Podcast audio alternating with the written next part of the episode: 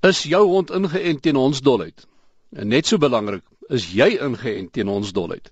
Die vraag het nou weer veral belangrik geword met die toenemende voorvalle van die siekte in stedelike gebiede. Die feit is, jy moet nie net jou hond teen die siekte beskerm nie, maar jou en jou gesin teen die laksheid van ander honde eienaars beskerm. Ons praat vanoggend met Dr. Therese Marskalk van die Travel Doctor Groep. Therese, môre. Goeiemôre Kobus.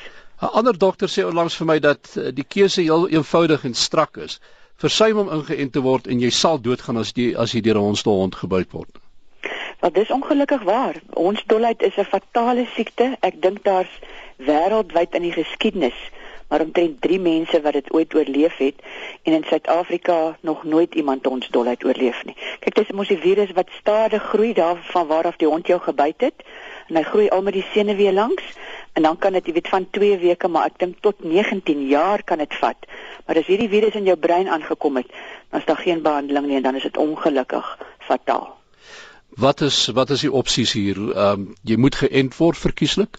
Kyk, 'n mens moet altyd inenting oorweeg as 'n mens 'n insident gehad het waar mens deur 'n deur 'n moontlike hondsdolheid. Meer as 99% van die gevalle in Suid-Afrika is natuurlik 'n honde um, ehm, 100% voorkombaar is die honde geënt is en dis hoekom dis volgens wet in Suid-Afrika moet alle eienaars se se diere moet se honde moet geënt word. Ons het 'n probleem met rondloper honde en dis ongelukkig dan nou waar ons gevalle ook is. So as mense 'n insident sou hê waar mense deur 'n aggressiewe hond of um, gebyt is, dan sit altyd die beste om 'n raad te soek. Die die plek moet moet bloei. Mens moet hom skoon spoel met seep en water. Mens moet 'n antivirusmiddel probeer opsit, enige jodium bevattende middel en dan moet 'n mens maar so gou as moontlik geënt word. Mens hou natuurlik ook die die dier dop. As dit nou 'n kind is wat 'n hond uitgelok het en die hond het hom net gehap, dan sit nou nie abnormale aggressiewe gedrag nie. Hmm. 'n Hond wat hondstolheid het wat ander mense wat mense aanval, gaan sterf.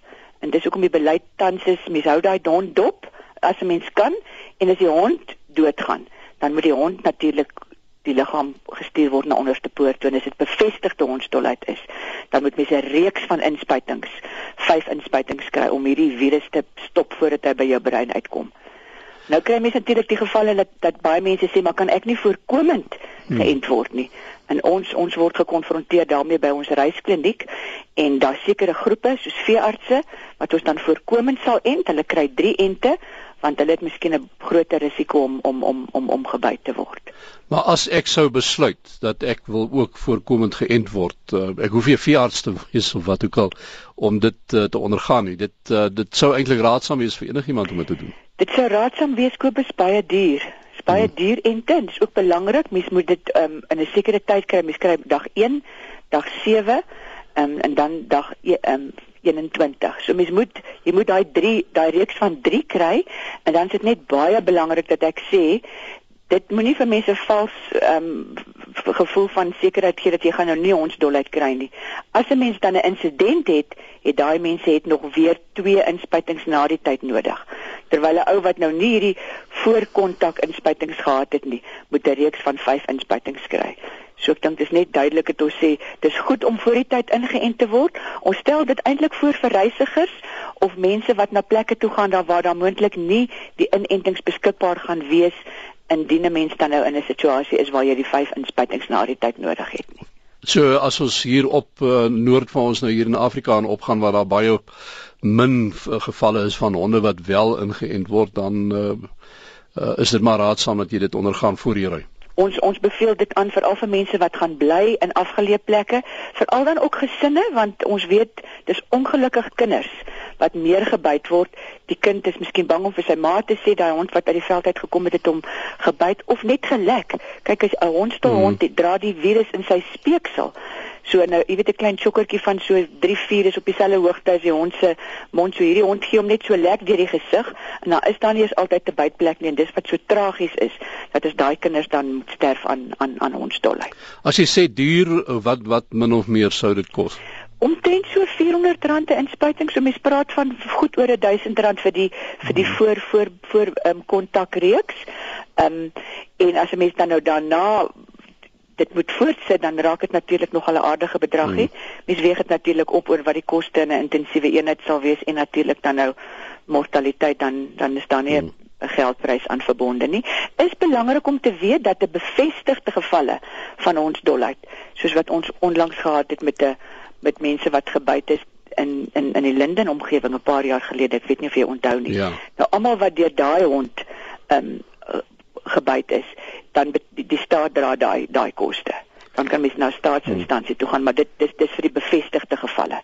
Teries maar is nie net ons dolheid nie, nee, daar daar's 'n aantal uiters gevaarlike siektes waarteen jy jou en jou gesin kan beskerm deur inenting. Uh een wat uh, veral by my uh, nou uh, vir my binneskien in die, in die kop inskiet is servikale kanker, nee dit is dit dis die opwindende veld van inentings Kobus dat ehm um, daar's daar's soveel nuwe ontwikkelinge.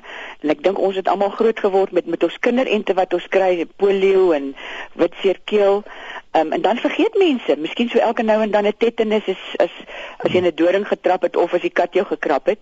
Maar daar's 'n nuwe beweging dat ons eintlik almal weer skraagdosisse moet kry. Aan die een kant omdat ons immuniteit nie nie nie, nie lank hou nie, maar ook omdat daar 'n groot beweging is van mense wat nie hulle kinders inent nie. So op die oomblik is daar pampoentjies uitbraak in Australië en daar's witseer ag daar's um kinkoes in Europa en in Kanada maar die nuwer ente wat teen virusse beskerm en dan nou veral um, menslike papilloomvirus wat die nommer 1 sterfte in vrouens nog in Suid-Afrika is servikale kanker is nou wat is nou inenting voorkombaar. En die aanbeveling sou wees dat puberteitdogters um, almal eintlik daai reeks van 3 inentings moet kry om ook weer eens 'n aaklige kanker siekte te voorkom tydens puberteit net na puberteit hoe werk dit? Um, Rondom puberteit mm. is maar gewoonlik wanneer hulle seksueel mens wil, wil graag hierdie inenting doen voor hulle te hulle seksueel aktief raak.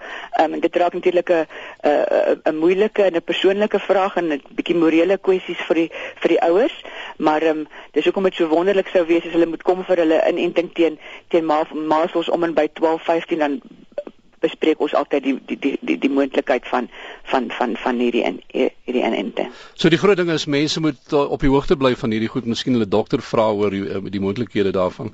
Miskien miskien op die internet ook maar kyk. Ons is nie net vir reisigers daar nie, ons hmm. ons is daar vir mense wat hulle wat hulle klem in hulle kaak moet kry en moontlik die hondstolheid en dan beslis ook die servikale inenting.